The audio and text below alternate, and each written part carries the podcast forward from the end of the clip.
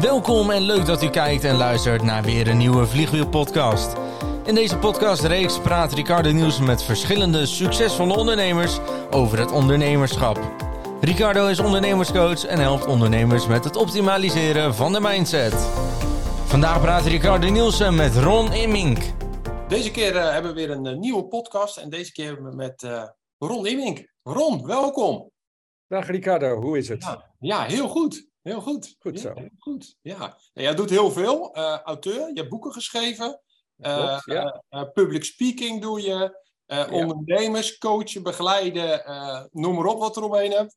Ja. En over jouw ondernemersverhaal wil ik het eigenlijk hebben. Hoe is dat begonnen, Ron? Kan je daar wat over vertellen? oké. Heel, heel, heel, heel, heel lang geleden, Ricardo. Toen ik nog heel erg jong was, ben ik... Mijn vader is ondernemer. Mijn meeste van mijn ooms zijn eh, ondernemers. Dus ik kom uit een eh, ondernemersfamilie. En ik wilde eerst priester worden. Toen politieagent. Toen dierenarts. En uiteindelijk eh, besloten dat ik eigenlijk wel ondernemer wilde worden. Dus ik ben naar de haven, naar de MEO gegaan.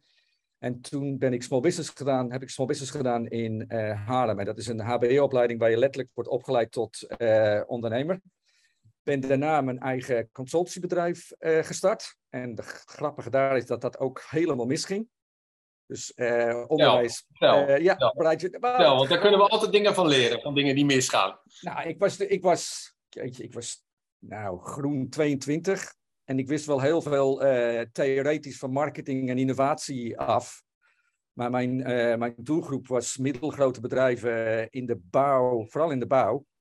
En ja, dan kom je daar binnen en dan zit zo'n man je meewarig aan te kijken. En je denkt, ja, joh, wat heb jij maar in godsnaam eh, te vertellen? Toen ging ik samen met een eh, vriend van mij het eh, bedrijf in. Ik kreeg een leuk contract van, van één specif- een eigenlijk een, een, de broer van de moeder van mijn vriendin. Want zo werkt het natuurlijk altijd. Kreeg ik een leuk contract. Toen kreeg ik een ander contract bij, bij Job Creation. En toen liet ik eh, mijn vriend mijn bedrijf runnen. Terwijl ik gewoon lekker geld aan het verdienen was. Oh. En ja, nee, besteed ja, en in- liet ik In, in principe kl- klinkt het goed natuurlijk. ja, nee, dat nee, Ja. nee, de multiplier, dat klopt allemaal. Maar eh, Ja. die vriend verkocht het. Ik hield het helemaal niet in de gaten. Die, die vriend verkocht ook helemaal geen ene donder. En op een gegeven moment eh, zat mijn rekeningkrant helemaal aan de plafond. En eh, had ik een heel groot cashflow eh, probleem. Dus dat bedrijf heb ik op eh, moeten doeken. Dan ga je ook een tijdje in je badjas voor de tv zitten, want dan voel je je ook heel erg eh, zielig. Toen ben ik gevraagd om in, samen met vier andere, wat oudere mannen, een bedrijf te beginnen in Haarlem op het gebied van startersbegeleiding. En een van de dingen die we daar deden was met Europees Sociaal Fonds vooral langdurig werkeloze mensen te helpen met het opzetten van een bedrijf. En bedrijven die, die, die mee misschien kapot zouden gaan om te zorgen dat ze ondersteunen en werkgelegenheid bleven eh, behouden. Het eh, de Europees Sociale Fondsprogramma's hebben een uitwisselingsprogramma.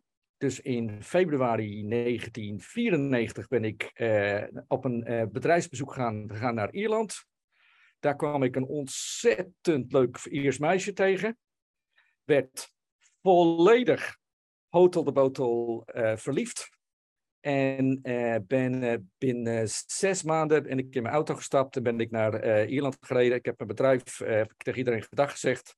Mhm. En ik ben naar Ierland gereden, heb daar een kopie van het Kamer van Koophandel bedrijfsplan, ondernemingsplan heb ik meegenomen. Dat vond ik altijd wel een goed concept.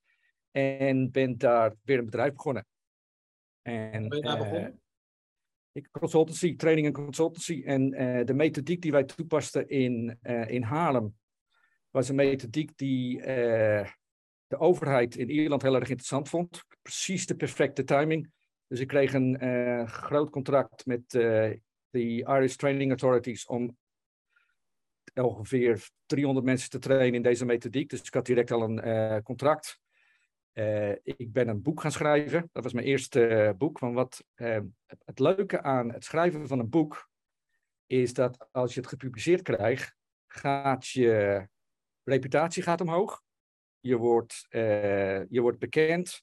En je verdienvermogen gaat direct, als je het goed doet, gaat, wordt direct naar een veel hoger niveau. Dus ik denk, weet je wat, niemand kent mij in, in Ierland, ik ga een boek schrijven. Ja. En omdat ik, wat ik van small business altijd al geleerd heb, is dat het eigenlijk altijd om mensen gaat en netwerken heb ik al heel snel ben ik in uh, netwerken in Ierland gestapt. En dan is het leuke, in het land van het blind is eigenlijk één oog koning. Dus heel veel van de methodieken die wij in Nederland al heel lang toepasten, die waren in Ierland nog redelijk nieuw. Ja. En dan kom je daar met je eh, oranje colbertje en uh, een Nederlands accent, kom je, loop je op een gegeven moment een overheidsgebouw binnen en dan ga je uitleggen dat in Nederland hebben we standaard uh, ondernemingsplannen. Misschien is dat een goed idee voor Ierland.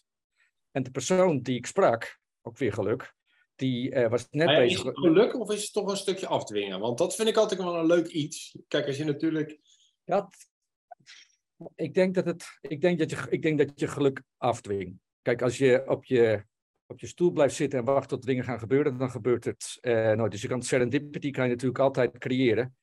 Om gewoon op heel veel dingen ja te zeggen, heel veel koffie te drinken. Ik denk dat het ook heel veel onderschat wordt, hè? want vooral door social media haal je de serendipity uit heel veel, uh, uit heel veel uh, dingen.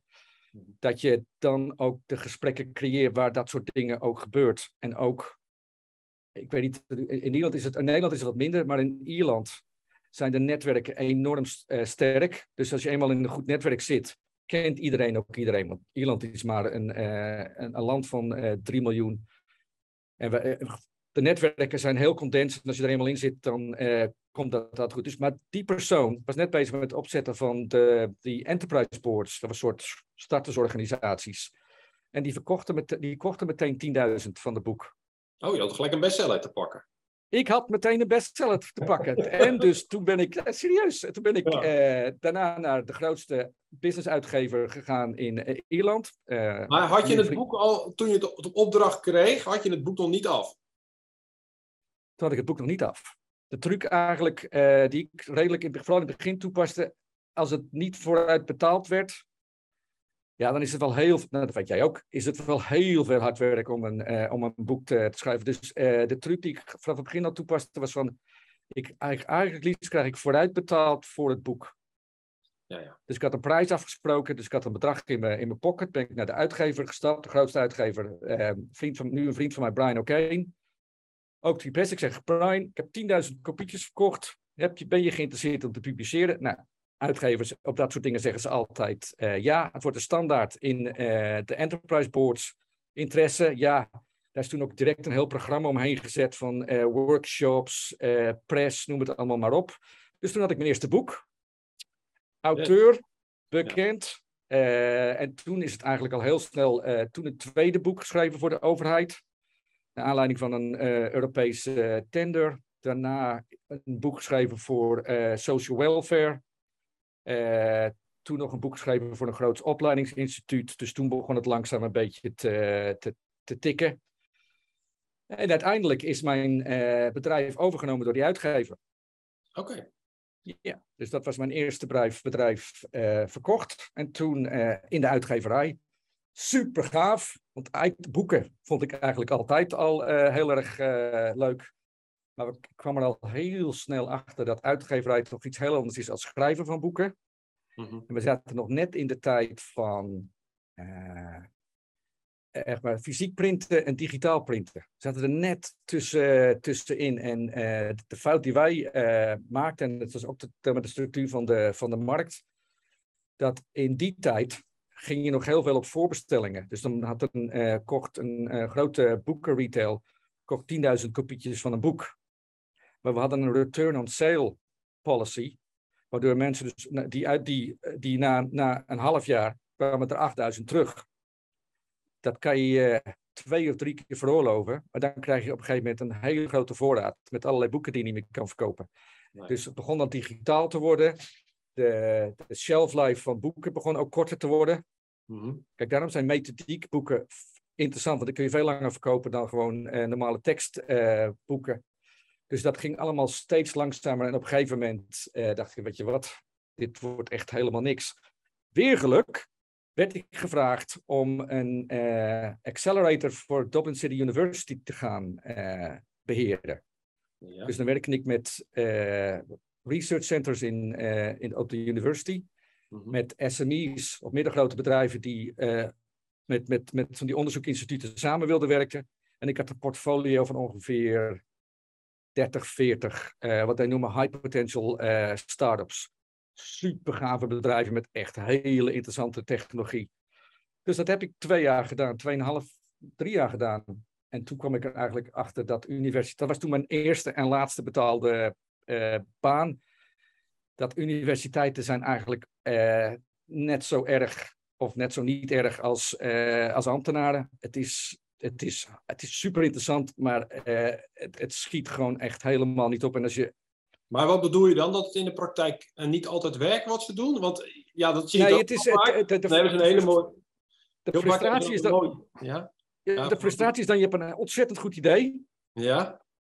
Dus ze hadden, ze hadden letterlijk invisibility cloaks. Dat zie je nu een beetje in de, in de press komen. Die hadden, hun hadden al een versie van een invisibility cloak. Ze hadden al een uh, sensor die je in, de, in je hartbaan kon, uh, door je bloed heen kon, kon laten. Die kon voorspellen of je een hart, hartaanval zou kunnen krijgen.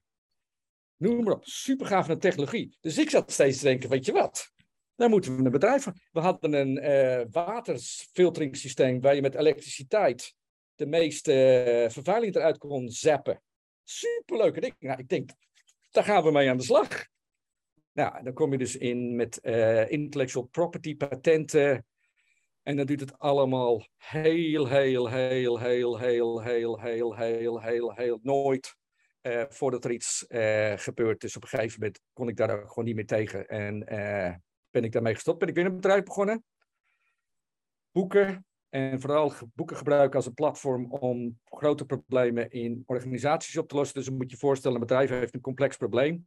Er is altijd een auteur, vooral Amerikanen, die daar een boek over hebben geschreven. Er zijn een aantal andere boeken die ook over hetzelfde onderwerp gaan. Waarom pak je die boeken niet bij elkaar? Maak daar een goede samenvatting van. Uh, geef de bedrijven de briefing. Zo, dit is het laatste, dit is het laatste gedachte dit is de latest thinking op dit bepaald uh, onderwerp. En laten we dat gebruiken als de basis om uh, het probleem op te lossen. En laten we één boek gebruiken als het platform om een discussie te faciliteren. Nou, ging super gaaf. Dat is op een gegeven moment ook overgenomen door een andere organisatie.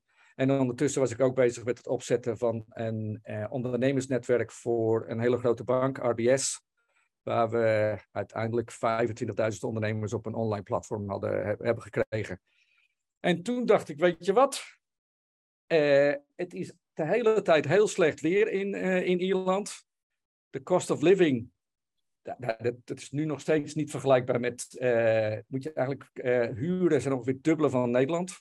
Mhm. De cost of living was echt astronomical. Ik had altijd al een appartementje in Spanje. 2017, weet je wat? Zoek het lekker uit ik ga lekker naar uh, Spanje. En wat ik nu uh, doe, ik doe nog steeds heel veel ondernemersbegeleiding, vooral wat grotere bedrijven. Uh, we hebben een 100 dagen planning service met iemand die je ook kent, Bernd Mintjes. Ik kan je daar wat over vertellen? Kan je daar wat over vertellen? Want ja, zeker. het is, het, het, um, bij, uh, het is een methodiek die we al heel vaak uh, gebruiken. Die we ook bijvoorbeeld, uh, je bent ook bij Tibor geweest, wij introduceren dan uiteindelijk aan het eind van het hele programma, moet je gewoon fysiek met iets aan de slag. Dus we introduceren 100 dagen. En dat is iets wat vooral Bernd heeft gemerkt van al de bedrijven. Hij heeft in 200 bedrijven geïnvesteerd. Mm-hmm. En hij heeft vooral gemerkt dat het probleem met ondernemers is focus. Mm En het probleem ook met het, de vroege gedachtegoed over ondernemingsplannen. Ondernemingsplannen zijn eigenlijk te langzaam voor de wereld waarin we nu leven. Je kan gewoon geen drie jaar plan mee maken. Het, het, het, het gaat zo snel, dan zou je eigenlijk elke drie maanden, vier maanden weer een nieuw ondernemingsplan moeten maken. Dus waarom draai je het niet om en begin je met een hele specifieke focus per honderd dagen? Mm En wat wij, uh, dus dan, uh, je bepaalt, dus het probleem met de ondernemers is, die schieten letterlijk de hele tijd alle kanten op. Ja, te veel ideeën. Doen van alles. En, uh, en, uh, en, en als je alles doet, kun je ook niet, dus focus je niet. Als je alles doet, kun je ook geen voorspelbaar bedrijfsmodel bouwen. Want je weet eigenlijk niet wat er nou wel resultaat heeft en wat niet. Dat zien we ook heel vaak. Hè. Er kunnen dus geen enkele correlatie tussen hun activiteiten mm en de uiteindelijke verkopen en, uh, en winst. Dus dan ben je eigenlijk nog wat aan het doen. En dan hoop je dat aan het eind van het jaar iets overblijft. Ja, dat is geen schaalbaar of verkoopbaar bedrijfsmodel. Dus focus, één doel, maar één ding of één thema dat je pakt en dan maar één nummertje erop zetten. Dus als jouw thema verkopen is, dan, eh, en je zegt ik wil aan, na 100 dagen wil ik 20 extra verkopen eh, doen, dan is je, dat is je nummer. En dan kom je op met drie kernactiviteiten, waarin je ervoor zorgt dat je de 20 gaat halen. En dan rapporteer je elke week op die kernactiviteit. En het, het, eh, de issue dan, in plaats van de hele tijd, je mag nog de hele tijd woe gaan doen, maar elke dag, één uur of twee uur, ga je de hele tijd precies hetzelfde doen. Precies hetzelfde. Elke dag ga je 50 mensen bellen, tien keer op LinkedIn, één podcast, noem het maar op. En dan, uh, maar wel zorgen dat het gewoon elke keer consistent hetzelfde is, zodat je het op een gegeven moment meetbaar en herleidbaar uh, maakt. Nou, iedereen vindt dat over het algemeen best wel een goed idee om dat te doen. En iedereen eh, aan het eind van het programma zegt, weet je wat? Ja, ja, nee, dat is, dat is, ja, dat lijkt me super, ja. dat, is, super logisch om dat uh, op die manier te doen. Ja, dus dan, en dan, blijkt altijd dat mensen routine lastig vinden. En vooral als je het over actief verkopen hebt, en dat is letterlijk cold calling, 50 mensen bellen, dat ze na twee weken denken van ja joh, moet ik weer 50 mensen bellen dat ze dat gewoon niet volhouden. Moet ik weer uh, een post op LinkedIn gaan doen? Moet ik weer een, een webinar gaan organiseren? Dat ze dat gewoon niet consequent kunnen volhouden. Dus wij zijn eigenlijk twee hele oude grumpy old men. Die dan uh, elke week met die bedrijven dat doorspreken. eigenlijk een soort stok achter de deur. Ook wat uh, advies. En helpen voor die bedrijven om hun 100 dagen plan nou te willen halen. Dus als wij tekenen voor een 100 dagen plan, dan gaan we het ook halen. Als mensen het dan niet doen, schoppen we ze uit het programma. Oké, ja, duidelijk. Leuk, nou, is heel, echt heel erg leuk. En wat je, wat je heel veel ziet, is inderdaad, eh, als je doet, werkt het. Mhm. Kijk, het is, niet, het is natuurlijk niet dat wij vanaf dag één precies weten wat er gebeuren moet. Maar na, na een tijdje heb je wel een beetje door hoe, het spelletje, hoe je het spelletje werkt. En uh, dat je, kijk, dan als die routine, het idee met die routine en, voorspelbaarheid is, uiteindelijk kan je dat stukje dan weer uitbesteden. En kan je weer aan je motortje gaan, uh, aan een ander stuk van je motortje gaan, uh, gaan werken. Dus uiteindelijk krijg je gewoon een, een bedrijf dat voorspelbaar omzet kan genereren. En daar gaat het uiteindelijk allemaal, allemaal om. Ja. Is, is het dan dat je echt in het begin die, die bottleneck om te groeien opzoekt? Of, uh, of het makkelijker maakt, waar echt dat knelpunt zit of niet, waar je dan aan gaat werken? Um, oh, dat is een hele goede vraag. Wij zoeken. De meeste focus is op uh, of uh, delegeren van een bedrijf zodat ze er minder tijd aan hoeven te besteden. Ja. Of inderdaad verkopen en dan, dan als je dan hun, de verkoopactiviteiten analyse. Het antwoord is ja. We zoeken naar de, de, de, de bottleneck. Maar het is ook dat uh, de verkoopstrategieën en tactieken die ze toepassen, zijn in sommige gevallen gewoon niet relevant voor, uh, voor, de, voor de bedrijven, voor, de, voor, de, voor de activiteiten die ze, die ze doen. Mhm. Het kan ook zijn met het kan ook capaciteitsproblemen zijn. Dus het kan ook zijn dat je heel veel tijd besteedt. Klassiek 2080 dat je ontzettend veel tijd ben, aan het besteden bent aan administratie en het geven van trainingen, noem het allemaal op. Terwijl je eigenlijk, als je uitrekent waar jij het meeste waard bent, is in het uh, verkopen. Dat je dan zorgt dat je een aantal van jouw uh, activiteiten uitbesteedt. En zorg dat je weer actief in de verkoop uh, gaat. Dus ja, we zoeken altijd de bottleneck op. Ja, maar, ja, maar dat, soms... een stukje, dat vind ik wel een mooi stukje wat je zegt. Hè? Wat, je, wat je waard bent in de organisatie, waar je het meeste waard bent. Ook natuurlijk wat je leuk vindt dat, dat, dat het bij hoop ondernemers dus niet helder is wat ze nou eigenlijk waard zijn. En dat ze soms dingen aan, aan het doen zijn die misschien, uh, misschien voor twee tientjes of voor 25 euro overgenomen kunnen worden. Wat ze soms ook helemaal niet leuk vinden om te doen. Absoluut. En het is heel raar dat ze dat dan niet zelf aanpakken. Is het dan, is het dan een stukje van, ik wil het wel uitbesteden, maar uh, ik kan het toch beter zelf doen? Of ja, is het dan een stukje het weggeven? Dat is het moeilijk. Nee, ik, ik, ik denk dat het uh, te maken heeft met uh, als je 60, 60, 70 uur in je bedrijf bezig bent.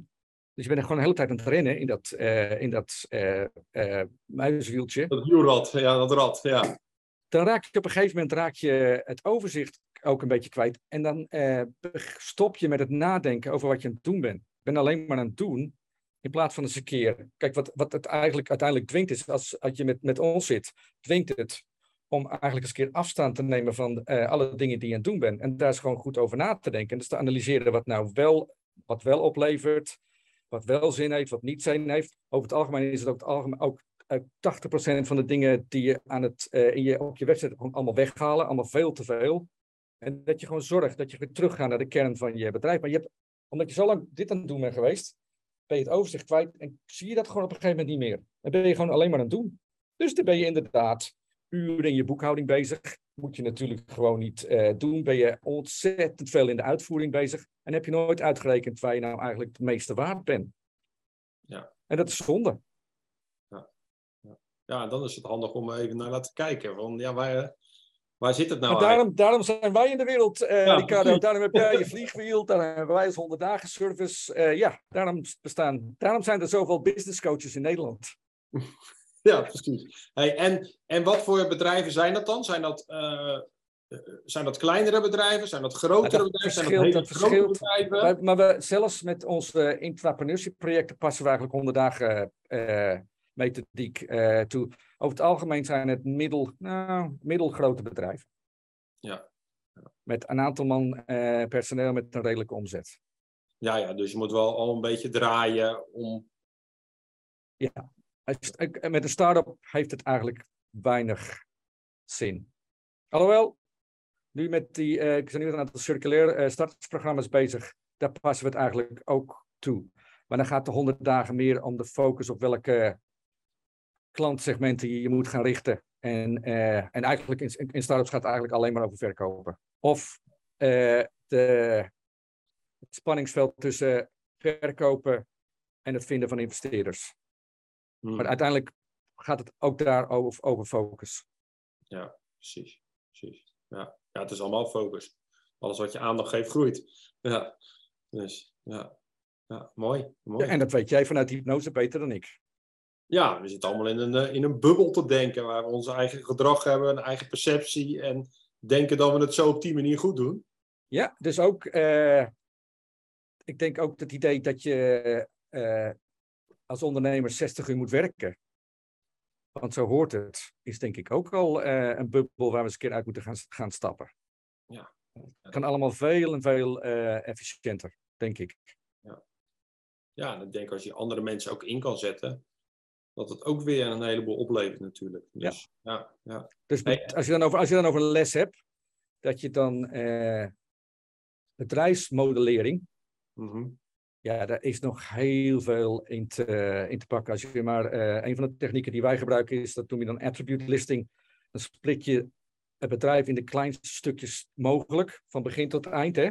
Van uh, eerste klantcontact, inclusief search engine, tot leveren en afterservice. Wat is kern? Wat kan je uitbesteden? Wat is frictie? Wat voor technologieën kan je toepassen? Is het klimaatvriendelijk? Nou, noem het allemaal maar uh, op. En dan is niet alleen de vraag, wat vanuit een technologieperspectief bijvoorbeeld, wat voor technologie is nu beschikbaar? Maar wat voor technologie is over 1, 2, 3 jaar beschikbaar? En dan is bijvoorbeeld 3D printing is iets waar uh, denk ik heel veel bedrijven over moeten nadenken artificial intelligence is iets waar heel veel bedrijven over na moeten denken. IoT en blockchain zijn dingen waar bedrijven heel veel over na moeten denken. En dat worden hun bedrijfsmodellen ook veel, veel beter. Ja. Als ze het niet doen, zijn ze straks failliet. Ja. Want andere bedrijven gaan het wel doen. Ja, nou ja, er zijn voorbeelden zat van natuurlijk. Ja. Bedrijven die niet mee. Uh, ja. Ja. ja, de vraag verandert ook natuurlijk constant. Ja. ja. ja.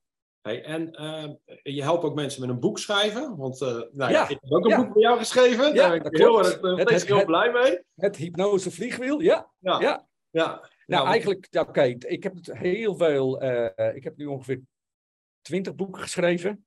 Dus ik weet een klein beetje hoe dat werkt. Ik, mijn claim to fame is dat ik ongeveer 10.000 uh, boeken gelezen heb. Dus ik weet ook wat goede businessboeken zijn en wat niet. Ik ben redelijk op de hoogte van uh, wat voor boeken wel werken en leesbaar zijn en welke uh, niet. Dus daar heb ik een service van gemaakt, want ik vind boeken gewoon heel erg uh, leuk. En dat heet dan Book in 8 Days. En jij weet dat dat niet zo werkt, maar dat is eigenlijk zijn het vier keer twee dagen mini-retreats. Waarin ik jou op weg help met het schrijven van het boek. En dan tussendoor geef ik je wat coaching. Dus ik schrijf het boek niet voor je, maar ik help je met het schrijven van het boek. En het is mijn rol om dat zo. Het gaat eigenlijk niet eens om het boek het gaat eigenlijk om wat je met het boek wilt doen. Want het, het boek is een communicatieplatform. Het boek is, je, is de content die je kan gebruiken. Het is een methodiek die je schaalbaar kan maken. Het, maakt je uniek.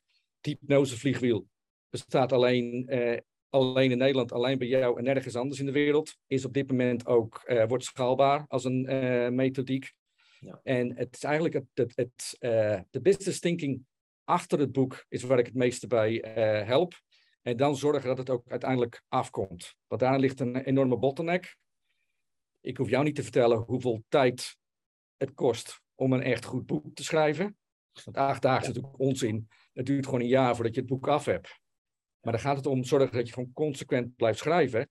En dan mijn rol is dan, uh, als je eenmaal een paar dingen geschreven hebt, dat ik zeg van ja, super gaaf. Of honderd keer gehoord, we moeten opnieuw beginnen. En dan maar zorg ook dat het het beste boek wordt dat je kan gebruiken om jouw uh, uurtarief te verhogen, meer te verkopen en schaalbaar te worden. Dat is eigenlijk wat ik, dat is wat ik doe.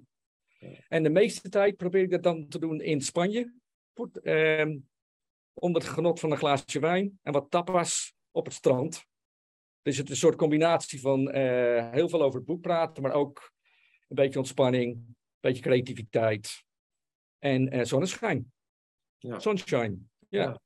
Nou, ik, vind, ik vind wel heel mooi wat, uh, wat het boek mij heeft opgeleverd. Want mensen zien nu, er staat nu ineens auteur achter het, uh, ja, achter ja. het stukje. En dus, dus mensen gaan je ook heel anders zien. Dat vind ik wel een heel leuk, uh, heel leuk stukje. Ja. Dat ik denk van, oké, okay, hey, mensen zien je nu ineens anders.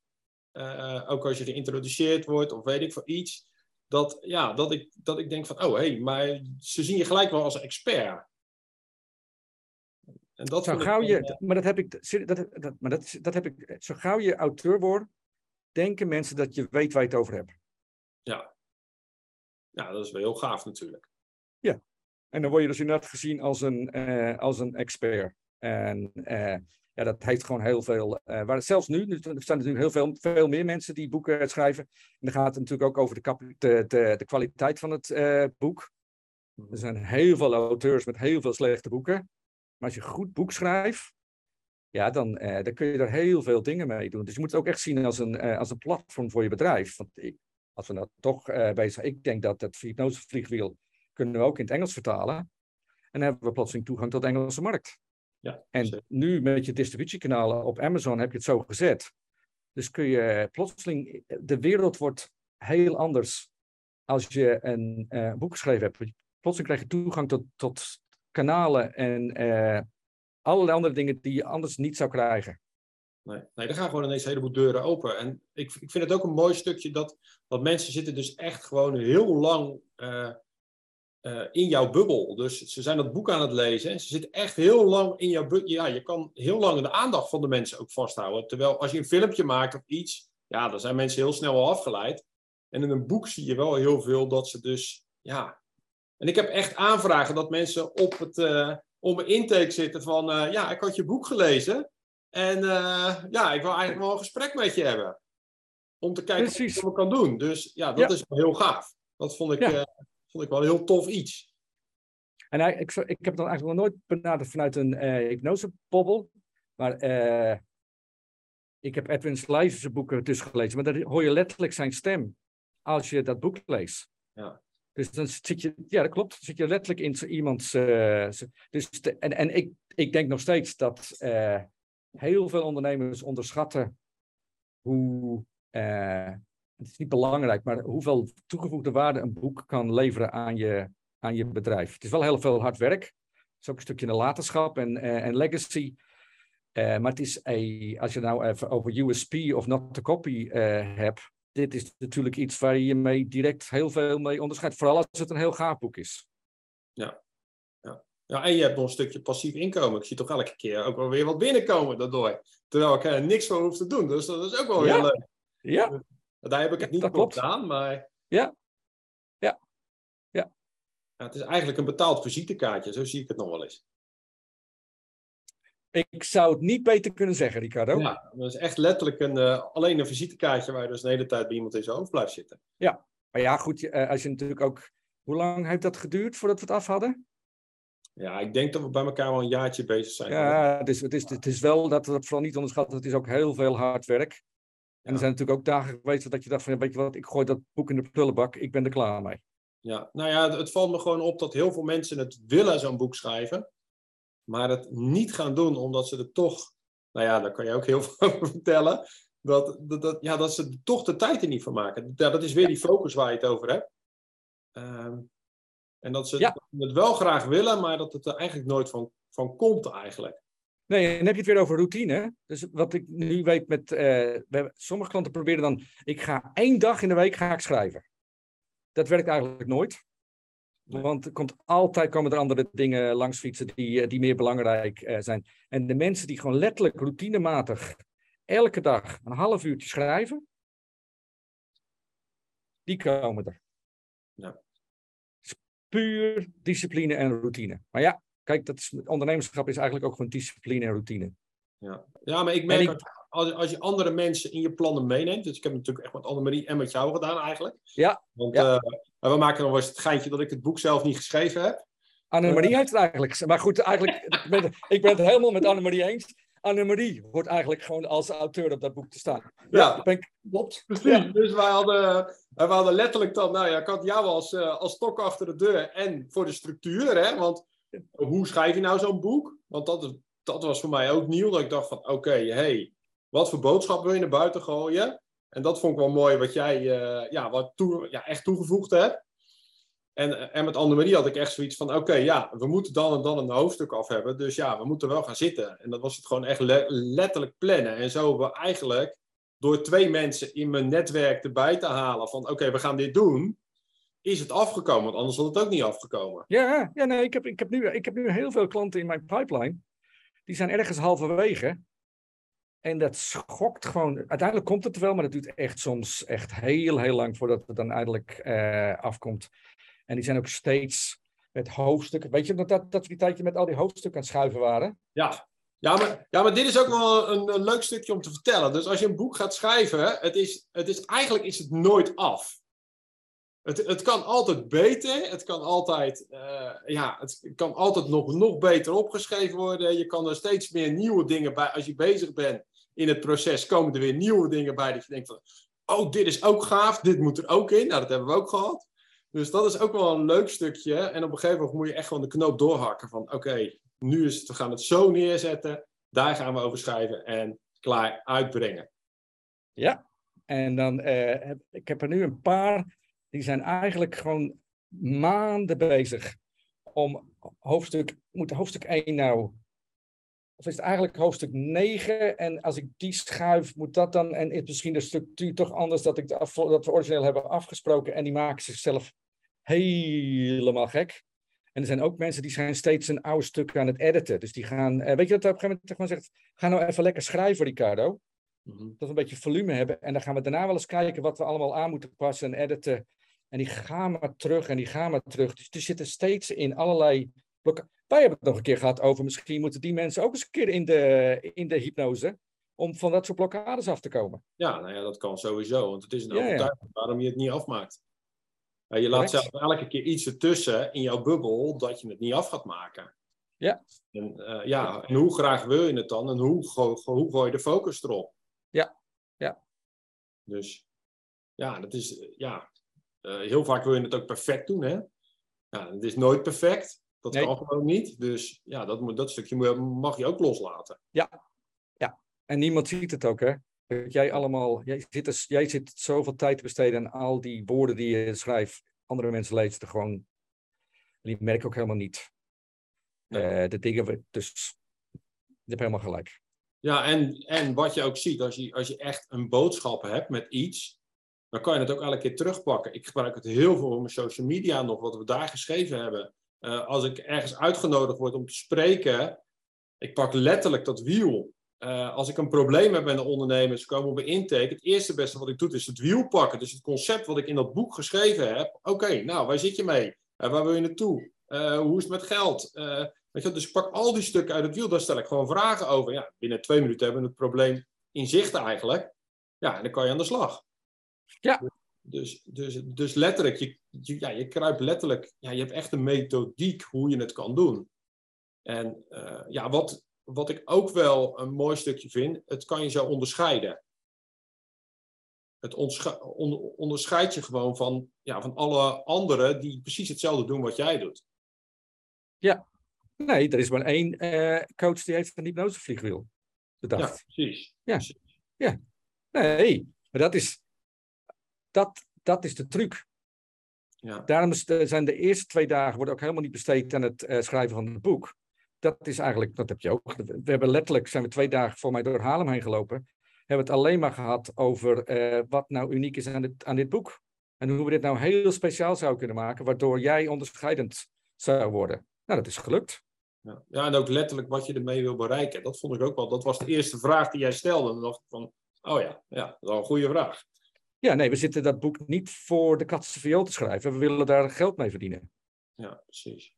Of misschien een stukje legacy achterlaten. Maar ik denk de meeste ondernemers, als ze eerlijk zijn, willen daar gewoon meer geld mee gaan verdienen. Ja. Nou, wat we zien, dat met die auteurs die die boeken afmaken, dat gebeurt ook inderdaad zo. Ja. En het is zonde. Ja, goed, dat is ik niet te adverteren. Het is zonde. Als jij een boodschap hebt en een methodiek die uniek is, dat je daar niet een boek over zou schrijven. Nou, eigenlijk, het, het, eigenlijk is het heel egoïstisch als je het niet deelt, die kennis. ja, het is egoïstisch. Ja, ja, precies. Zo, ja. Nee, je hebt als, als je zoveel kennis Schande. hebt. Ja, je kan er zo, ja als, je, als je zoveel kennis hebt en je kan er zoveel mensen mee helpen. Ja, dus is toch eigenlijk heel egoïstisch dat je het allemaal het is voor eigenlijk, jezelf een, eigenlijk uh, ja, je hebt helemaal gelijk. Ik ben het helemaal met je eens. Ja. ja, dus eigenlijk is het gewoon, uh, ja, dus ja, ja. Gewoon, uh, gaat het gewoon delen. Ja. Dus, hey, ehm, is dit ook het stukje dat, dat want dit zie ik in het ondernemerschap ook. Ik heb natuurlijk heel veel ondernemers over de vloer bij mij. Dat, ja. dat, dat ondernemers het heel moeilijk maken wat ze aan het doen zijn. Want nu hebben we het over een boek, maar over het onder, hele ondernemerschap. Dat, dat ze wel hele mooie plannen hebben. Ik hoorde het op die universiteiten net ook vertellen. Dat ze wel hele mooie plannen hebben, maar het voor zichzelf zo verschrikkelijk moeilijk maken. Ja, maar je moet, ook, je moet je natuurlijk ook realiseren. Ik doe heel veel op het gebied van uh, zeg maar ontwikkelingen in de toekomst. Er komt ook ontzettend veel op ondernemers af. Hè? Mm -hmm. Dus je, uh, kijk maar nu, uh, we hebben nu we hebben energie, we hebben recessie, we hebben inflatie. We hebben allerlei technologieën die zich ontwikkelen zijn. We hebben klimaatverandering, uh, we hebben belasting. Nou, noem het allemaal uh, maar op. Dus het is sowieso in, het, in de omgeving waarin ondernemers opereren, is het al ingewikkeld genoeg. En dan is het eigenlijk niet zo slim om dan ook je bedrijf ingewikkeld te maken. Als wij bij, bij Tibor, dat heb je ook, dan kijken we naar websites ja, daar staat gewoon de hele kitchen sink staat op die website. Maar dat is gewoon, uh, dus in, in, in de meeste gevallen kan 80% van uh, wat je communiceert op een website kan er eigenlijk direct af. Want op een website, natuurlijk als je het over attention span hebt, we hebben ongeveer op een website hebben we een attention span van 1, 2 seconden. Dus als ik niet binnen 2 seconden krijg wat jij uh, aan het communiceren bent, ben ik weg. En ik ga echt niet al die lappen tekst die jij zo ontzettend gaaf vindt over jezelf, ga ik uh, uh, lezen. Dus simplificatie. Dus 80%, als je het over 100 dagen, uh, Tibor, bijna alle bedrijven waar we werken, 80% start-ups, 80% kunnen we gewoon allemaal wegsnijden. En het is klassiek 2080. Altijd. Ja. Dat is ook een les. Klassiek 2080. 80% van die activiteiten die je nu aan het doen bent, leveren met 20% van je tijd op. Of 20% van de opbrengst op.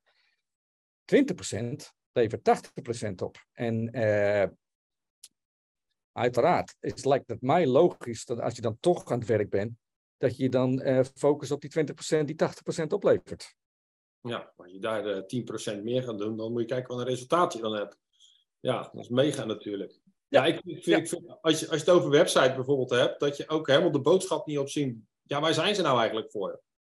Nee, maar ik kan op dat heel veel websites... Mij, dat, dat valt mij heel veel op met ondernemers ook. Hè. Je kan helemaal niet zien wat voor probleem ze nou eigenlijk oplossen. Nee, maar ik weet ook niet eens meer. Ik, op sommige websites kan ik ook gewoon niet, niet zien uh, wat ik nou eigenlijk kan kopen.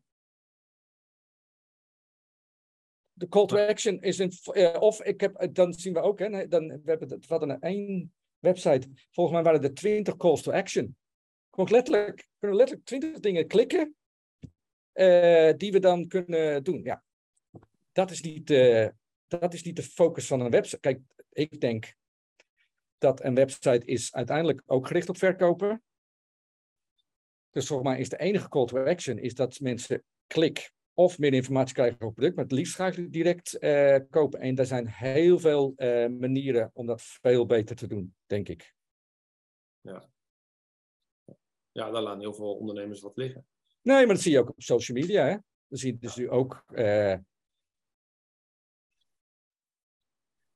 de, het, er is een, uh, er is een tendency, ik weet niet wat het Nederlandse woord, er is een, er is een, uh, er, er, is een focus op passief verkopen. Mm -hmm. Jij weet, en ik weet, dus dat wij doen wel heel veel podcasts en we zijn wel heel actief op social media.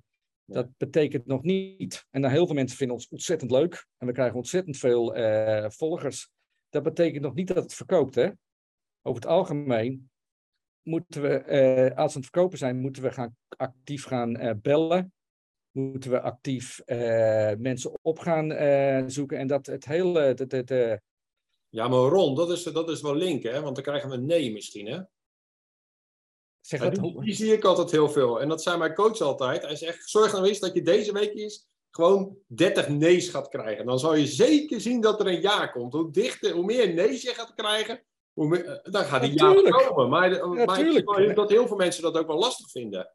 Dat ze best bang zijn om dus echt gewoon, oké, okay, zullen we gaan werken? Bam, oké, okay, we gaan er samen mee aan de slag. Dus kijk, een post op Facebook en een post op LinkedIn krijg je nooit een nee. nee Bijna niet. Ik krijg misschien een negatief commentaar, misschien, misschien een negatief commentaar, maar eigenlijk maar 100 mensen bellen van mensen die je op LinkedIn ken om eens te vragen of ze misschien geïnteresseerd zijn in je product. Ja, dat is hard werken. En dat is heel veel uh, nee kunnen krijgen. Maar uiteindelijk, daar gaat het voorspelbare weer in. Dat, dat kun je dus op een gegeven moment gewoon allemaal veel beter meten. En ik denk dat direct verkopen is, is gewoon een, een skillset die gewoon heel veel mensen volledig kwijt zijn. En die we eigenlijk veel meer zouden moeten toepassen. Ja. ja.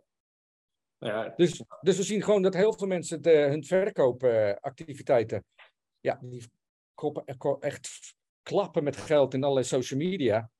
SEO en uh, Facebook ads, noem het allemaal op. Maar eigenlijk niet verkopen.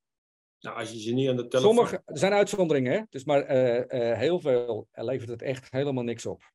Nee. En de som, als je Seth Godin volgt, is eigenlijk, als je veel geld aan social media moet besteden, is het eigenlijk slechte marketing.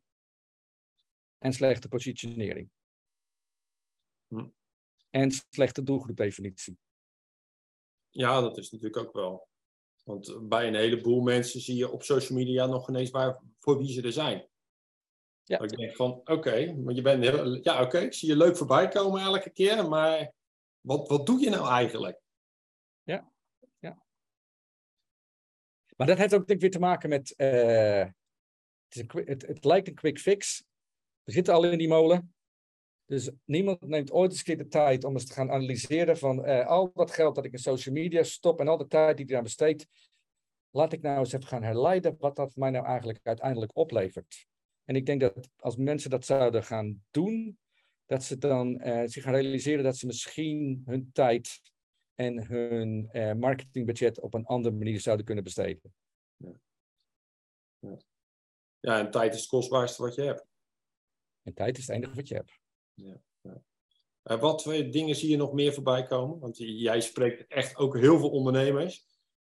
Dat je denkt... Ja, mijn, mijn, mijn, mijn hobbyhorse is natuurlijk... Uh, ik heb die Mindcan die nu uh, op, op, op, op LinkedIn...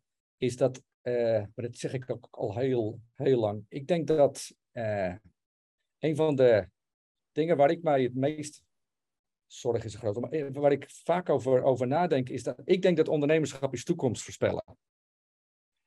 Het gaat namelijk niet alleen over jouw bedrijf nu. En ik hoop dat je het op dit moment heel erg goed uh, doet. Maar het gaat eigenlijk ook over jouw bedrijf drie, vier jaar in de toekomst.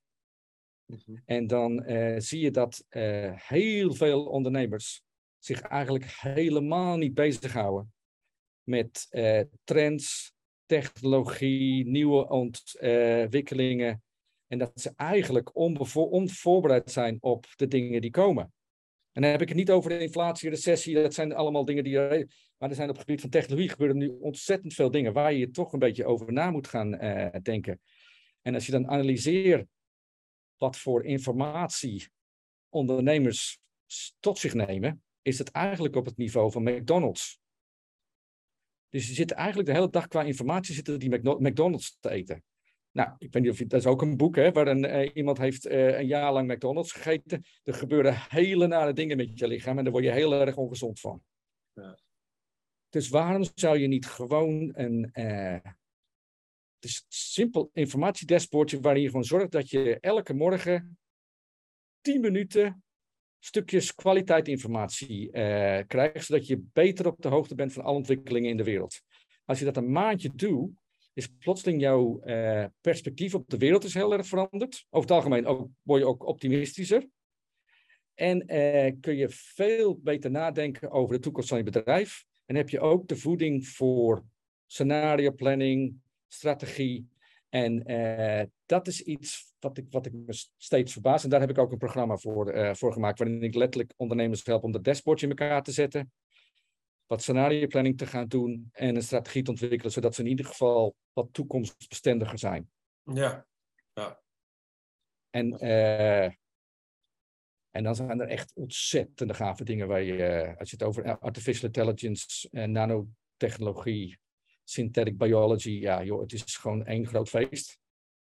Ja, ja, ja. En, en met die candy Candy Mind, hoe, hoe heet het? Mind, mind Candy. Nou, ik zie het wel elke keer voorbij komen natuurlijk. Snoepjes, snoepjes voor het voor het Ja, voor de heb hersenen. altijd Snoepjes, Ja, en suiker en, ja, en candy heb ik al, die opleiding heb ik al. Mind Candy, suiker is eigenlijk heel slecht voor je, dus ik zou het iets anders moeten laten eten. Dus weet je wat, groente voor de, uh, voor de hersenen. Daar ga ik het ook van maken. Uh, mind Vegetables. Ja. Vanaf morgen ga ik dat uh, inderdaad ook meteen doen. Mind Vegetables, ja. Ja. Hey, maar als, als we nou over social media hebben, hè? Um, ja. want uh, levert dat gelijk klanten op? Ja, ik, ik, ik weet er natuurlijk wat meer vanaf, maar levert dat gelijk klanten op? Dat je, want je komt, hoe vaak kom je voorbij in de week? Ik kom uh, uh, maandag tot vrijdag kom ik meestal voorbij. En als je dan de blogs over boeken ziet, ik kom bijna elke dag voorbij. En dat, nee, dat levert direct verkopen heel weinig op. Maar uh, qua branding en uh, awareness van mensen die weten dat ik besta. En maar ik verkoop ook. Uh, ik zit op hoge uurtarieven, dus ik verkoop ook redelijk ingewikkelde trajecten. Dat levert dat mij qua reputatie levert met ontzettend veel op. Daarom werk ik nu voor een aantal universiteiten uh, daarom ben ik voor een aantal uh, grote klanten, want die zien mij regelmatig langskomen. En die hebben in ieder geval de indruk dat ik een klein beetje weet waar ik het over heb. Ja. Heel veel mensen uh, zien het helemaal niet. En je, je, mag je inderdaad soms ook afvragen of het allemaal wel zo. De tijd die ik het geef, of dat het het opbrengt. Maar ik vind het ook gewoon heel erg leuk. Het houdt mezelf heel erg uh, scherp. Het is ook jouw schuld, want jij vertelde me dat ik op video moest, uh, moest gaan. Dus dat heb ik dus ook uiteindelijk ook maar, uh, ook uiteindelijk maar gedaan. en ik doe eigenlijk publiceren op LinkedIn, doe ik al ook al heel erg lang. Dus ik heb nu meer dan 15.000 volgers op LinkedIn. Dus als je eens een keer wil gaan schudden, ja, dan uh, liggen daar wel een aantal uh, connecties die je kan gaan gebruiken.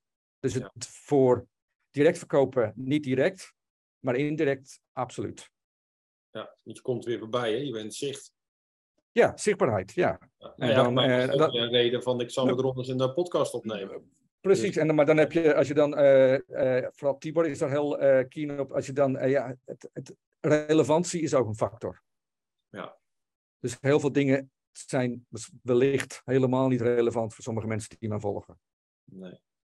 En dan moet je misschien ook de realisatie dat je misschien wat meer, dus zou je meer specifiek moeten gaan werken, dat zou je misschien moeten doen. Dat is een keuze. Ja, nou ja, je kan natuurlijk zien als je het een hele tijd doet, wat het doet natuurlijk, wat je er net ook al zei. Dan kan je natuurlijk echt zien van, hé, hey, wat heeft dit voor resultaat? Ja, maar ik denk zichtbaarheid is gewoon de, de grootste factor. Dus als mensen mij nodig hebben, en die komen uiteindelijk over het algemeen uit mijn oude netwerk of via mijn oude netwerk, checken ze me uit. Dat is ook een ander ding, hè? reputatie en uh, gedachtenleiderschap. Dus als mensen van mij horen en ze gaan checken wie ik ben, denken ze, nou, ja, dat is wel uh, iemand waar ik eens een keer een gesprek mee uh, zou willen. Ja. Nou, ik, ik vind leuk wat het in, in het hoofd doet van iemand. Als je dus heel vaak horen spreken en je voorbij komt, dat ze automatisch al onbewust een band met je hebben. Zonder dat je ze ooit één keer hebt ontmoet. Dat ze zo al aan je stem gewend bent, de manier hoe je praat, hoe je handelt. En ja, dat helpt wel heel erg om, om op die manier zaken te doen. Ja, en dan denk ik wel dat je, ik denk ook moet leren om vooral jezelf te, te blijven. En ja. dat je niet moet gaan proberen om iets te, te, zijn of te doen die je niet bent. Nee, dus ik, uh, er nee, zijn waarschijnlijk heel veel mensen die, naar die, hier naar kijken en denken, wat een enorme eikel zit daar eh, op, die, op die stoel. Dus dat kan ook, maar dat moet je maar denk ik accepteren als een, eh, als een effect. Ja, maar ik, ik denk dat dit wel het lastigste is. Het stukje oh, dat je echt bij jezelf moet blijven. Dat je natuurlijk wel een hoop voorbeelden hebt hoe het zou kunnen, maar dat je wel bij jezelf moet blijven. Dat je natuurlijk dingen gaat doen die niet bij je passen. Ik zie jou bijvoorbeeld niet zo als Tibor bepaalde dingen zeggen. Dat, dat, dat, dat zie ik nou niet doen Nee. omdat het niet bij jou past. Nee. Dus, eh, Nee. dus, Maar ik heb, ook, ik heb ook de regel dat ik gewoon niet werk met mensen die ik niet leuk vind. ja, maar dat is sowieso wel belangrijk, denk ik. Ja, maar dat zijn er ook natuurlijk heel veel mensen die dat niet als regel hebben. Hè? Ja, en, en het moet financieel ook wel kunnen. Absoluut. Eh, Want ja, want ik roep dat ook altijd. Ja, je moet met mensen werken die het leuk is. Maar als je financieel natuurlijk niet lekker zit, dan, Nee. eh, ja, Nee. dan, dan zal je soms wel eens moeten. Ja, maar dat is dan weer een heel lang verhaal. Eh, hoe ben je tot deze situatie gekomen? Ja, precies. Nou, dat is een mooi stapje, toch? Ja, want dan Ja. eigenlijk dan moet je weer terugwerken van, eh, als we dat dus niet meer willen, dan moeten we weer teruggaan naar eh, kern, 100 dagen, positionering, eh doelgroep, prijsniveau, noem het allemaal maar op. Dan moet je dus direct weer terug. En het hypnosevliegwiel toepassen en dan eens kijken waar, dat- waar dat nou precies in zit dan. Precies. Nou ja, dat is, eh, ja, daar komen die dingen natuurlijk ook voorbij allemaal. Ja. Doe, je, doe, doe jij nog, want eh, je werkt heel veel met Bernd samen, hè? Ja. Eh, Bernd eh, investeert heel veel in bedrijven. Doe jij ook investeren in bedrijven of niet? Ik, heb, ik ben nu nog met één bedrijf, twee bedrijven ben ik betrokken. Nee, ik investeer bijna niet. Soms in wat soft capital, capital soms als raad van bestuur, maar niet, eh, niet, eh, niet in cash. Nee. Maar dat is ook omdat ik daar. Nee, maar ik heb dat eigenlijk heel weinig eh, gedaan. Dat is ook mijn, dat is ook mijn specialisme niet. Bernd, ja, dat is gewoon dat is leuk ook werken met bijvoorbeeld met Bernd Mintjes. Die kijkt gewoon op een heel andere manier naar bedrijven. De combinatie is wel heel erg leuk. Maar ik zit daar gewoon, het is toch een iets andere tak eh, van sport. En in, in dit geval gewoon schoenmaker blijft bij, je bij, bij, bij je leest. Ja, ja. ja. Hey, ehm, je kan jou ook inhuren als spreker, hè? Kan je daar wat over vertellen? Want dat is natuurlijk ook wel een stukje wat je, wat je wel eens doet. Eh, bij Tibor spreek je wel eens, bij, eh, bij andere Heel weinig. Heel weinig. Mag, niet, mag, mag, ja, mag niet van Tibor, want ik ga veel te ver in de toekomst. En woe, Ik, ik schrijf, ik, dus omdat ik dus heel veel eh, boeken lees, eh, over het algemeen krijg ik dan een, eh, een topic. Het gaat soms over de toekomst, gaat soms over innovatie. Ik heb een aantal boeken over boeken. Dus ik heb een boek over innovatie, ik heb een boek over intrapreneurship, eh, de toekomst van werk. Power of the Mind. En die pak ik dan letterlijk als een topic. En dan ga ik een uurtje staan, staan babbelen. En dan pak ik over het algemeen pak ik dan het laatste denken van een paar boeken. Als zeg maar de backdrop om daarover te, te gaan uh, praten. Het is eigenlijk een soort versie van Boekbos, maar dan in mijn eentje. Ja. Waarin je letterlijk in een uurtje een soort smoortpoort krijgt van uh, de latest thinking over een bepaald uh, onderwerp. Ja, ja, ja. En dat is ook beschikbaar, doe niet zoveel meer, maar dat, dat kan je ook als work, workshop doen. Dus we doen het soms op het gebied van intrapreneurship. Want dat begint nu iets populairder te worden. Want uh, starters, kijk, dat is hartstikke moeilijk. 70% van uh, starters gaat eigenlijk binnen drie jaar, uh, lukt het al niet. En die andere 30% gaat ook 50% binnen twee, drie jaar, gaat, lukt het ook niet. Dus het is heel erg moeilijk. Maar als je kijkt naar bestaande bedrijven, die hebben eigenlijk heel veel ondernemende personeelsleden. En uh, als je die nou vrij zou laten en uh, alles wat een bestaand bedrijf heeft, wat een start-up niet heeft, is distributiekanalen, talent, geld, klanten, netwerken, die zijn allemaal beschikbaar. Dus waarom zou je niet vanuit een uh, grotere organisatie niet mensen binnen je organisatie helpen om een bedrijf op te starten? In de context van je eigen bedrijfsstrategie. en, open, en dan is dat is eigenlijk een veel effectieve manier van innoveren. Dus dat beginnen we steeds meer, uh, steeds meer te doen. Dat doe ik ook met, uh, met Bernd. Ja, ja. Hey, en, en over die starters, hè? want ik heb ook wel mensen die, uh, die natuurlijk starters zijn. Wat zijn de grootste ja. valkuilen van starters? Wat zie je voorbij komen? Ik zie, ik zie heel veel financieel, zie ik, dat het een financieel een probleem wordt. Dat de, die geldmindset, dat er te weinig binnenkomt of er wordt verkeerd uitgegeven. Ja, oké. Okay, het begint eigenlijk, ik denk, met, uh, ja, dat is klassiek eigenlijk. Het is, is, over het algemeen hebben ze de, de definitie van het probleem dat ze oplossen, hebben ze niet duidelijk genoeg. Mm -hmm. Ze zijn niet specifiek genoeg in, de, in, hun, uh, in hun doelgroepdefinitie. Want iedereen zit steeds op grote markten te mikken. Maar jij, jij nou, ik weet dat een start-up heeft maar heel weinig tijd. Dus eigenlijk moet het een hele, hele, hele kleine doelgroep uh, zijn die ze. En eigenlijk veel te weinig uh, marktonderzoek voordat ze beginnen. Heel veel bedrijven beginnen maar en hopen dat het uh, uh, lukt. En dan ook ja, de, de, de capaciteit om te verkopen. En als je de probleemdefinitie niet, niet duidelijk hebt en je hebt eigenlijk je eigen value proposition, dus, dus je eigen toegevoegde waarde, ook niet duidelijk genoeg. En over het algemeen is de toegevoegde waarde die start-up levert veel groter dan dat ze zelf denken. Maar omdat ze van hun onderzoeken niet hebben gedaan, kunnen ze die toegevoegde waarde niet goed genoeg uitleggen. Dus dan wordt verkopen heel erg uh, moeilijk. Dus dat, uh, dat zijn de. Dus eigenlijk veel te weinig voorbereiding. Beetje, ik vind dat soms ondernemerschap is net als voetbal. We hebben allemaal uh, een, een, mening over voetbal, maar eigenlijk is ondernemerschap gewoon een vak, hè? Net als een loodgieter, een bakker, een, ja, noem het maar op. Daar moet je eigenlijk een beetje, daar moet je voor studeren. Daar moet je onderzoek voor doen. Dan moet je misschien over literatuur. Ik snap wel dat mensen heel boeken niet leuk vinden, maar er zijn natuurlijk honderden boeken die heel veel kunnen leren over ondernemerschap. En heel veel fouten die jij op dit moment aan het maken bent, kun je allemaal voorkomen door met een aantal mensen te gaan zitten of wat te gaan uh, lezen en heel veel onderzoek te, te doen. Dus ik denk dat ondernemers veel te optimistisch zijn. En dan als klassiek, ze hebben dan niet genoeg geld in de bank. Want het duurt altijd veel langer dan ze hadden ingeschat. Je moet eigenlijk een jaar spaargeld op je bank hebben. Voor een jaar om je, om je inkomen, in je inkomen te voorzien voordat je begint. En dan, uh, en dat is een vriend van mij, die heeft een boek geschreven en het heet My Family Doesn't Support Me. Als jij denkt dat je partner staat te springen, dat jij ondernemer wordt, over het algemeen, ik zou in ieder geval, als je ondernemerschap overweegt, zou ik dat zeker uitgebreid met je partner bespreken. Want eh, cashflow wordt een probleem. Moet, misschien kan je soms je rekeningen niet betalen. Misschien kan je soms de kinderopvang niet doen, want je hebt een belangrijke klant. Er komt wat stress. Uh, je moet echt, als je, als je, je, moet echt uitgebreid met je partner bespreken of ondernemerschap iets wat jullie alle twee willen doen.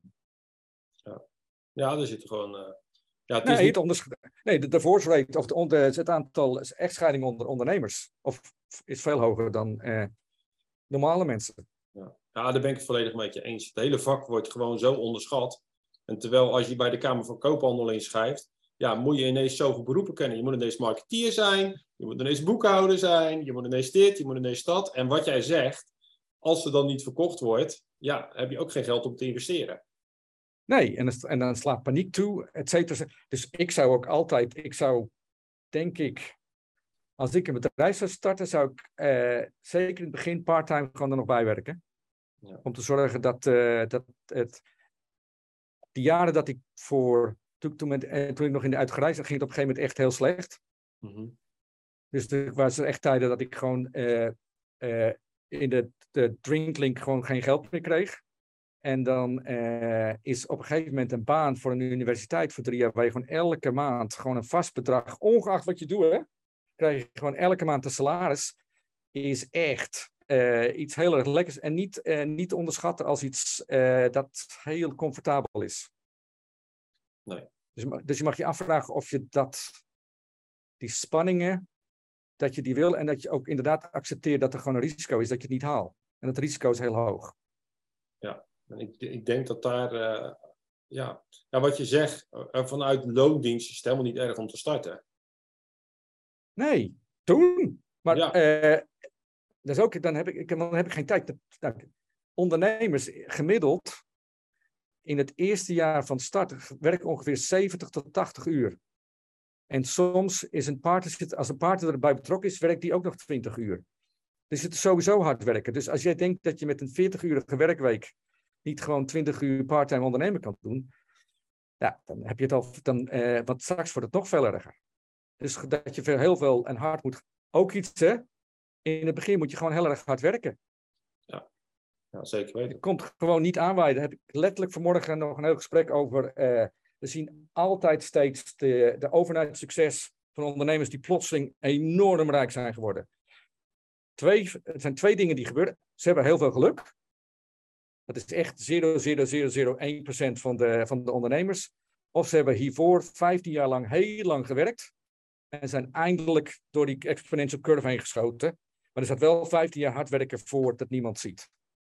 Ja. Dus ik, moet, ik zou ook de, de publiciteit over succesvolle ondernemers zou ik ook niet allemaal geloven. Nee. Nou ja, je, je hoeft het internet wel open te gooien. Je hoort er een paar mensen hoor je gillen binnen. Ja, dus als je nee, op Facebook van uh, binnen. Uh, binnen een, ja, nee, ik heb een coachingprogramma en binnen een week kan je 50.000 euro meer verdienen. But if it sounds too good to be true, it probably is too good to be true. Uh, waar kunnen ze jou vinden, Ron? Als ze een boek willen schrijven? Of, mijn website is www.ronimink.com en Ron, R-O-N, en dan I-M-M-I-N-K Com. Uh, als je op mijn naam op LinkedIn uh, intypt, vind je me, vind je me, me ook. Uh, dat zijn de twee meest belangrijke kanalen. Mooi. Dankjewel voor dit. Graag gedaan, Ricardo. Ik vond het leuk. Ik weet niet of ik niet veel te veel heb lopen blaten, maar ah, je, ik hoor het wel. Kletsen, maar het is leuk, toch? ja, ik vond het leuk. Het is ook weer goed om weer te zien. Ja, zeker. Dankjewel, man. Dit was de Vliegwiel podcast voor deze keer. Vond u deze podcast leuk? Blijf ons volgen. En wil je meer weten over Ricardo Nielsen? Ga dan naar de website www.meerwinstdoorhypnose.nl Tot ziens!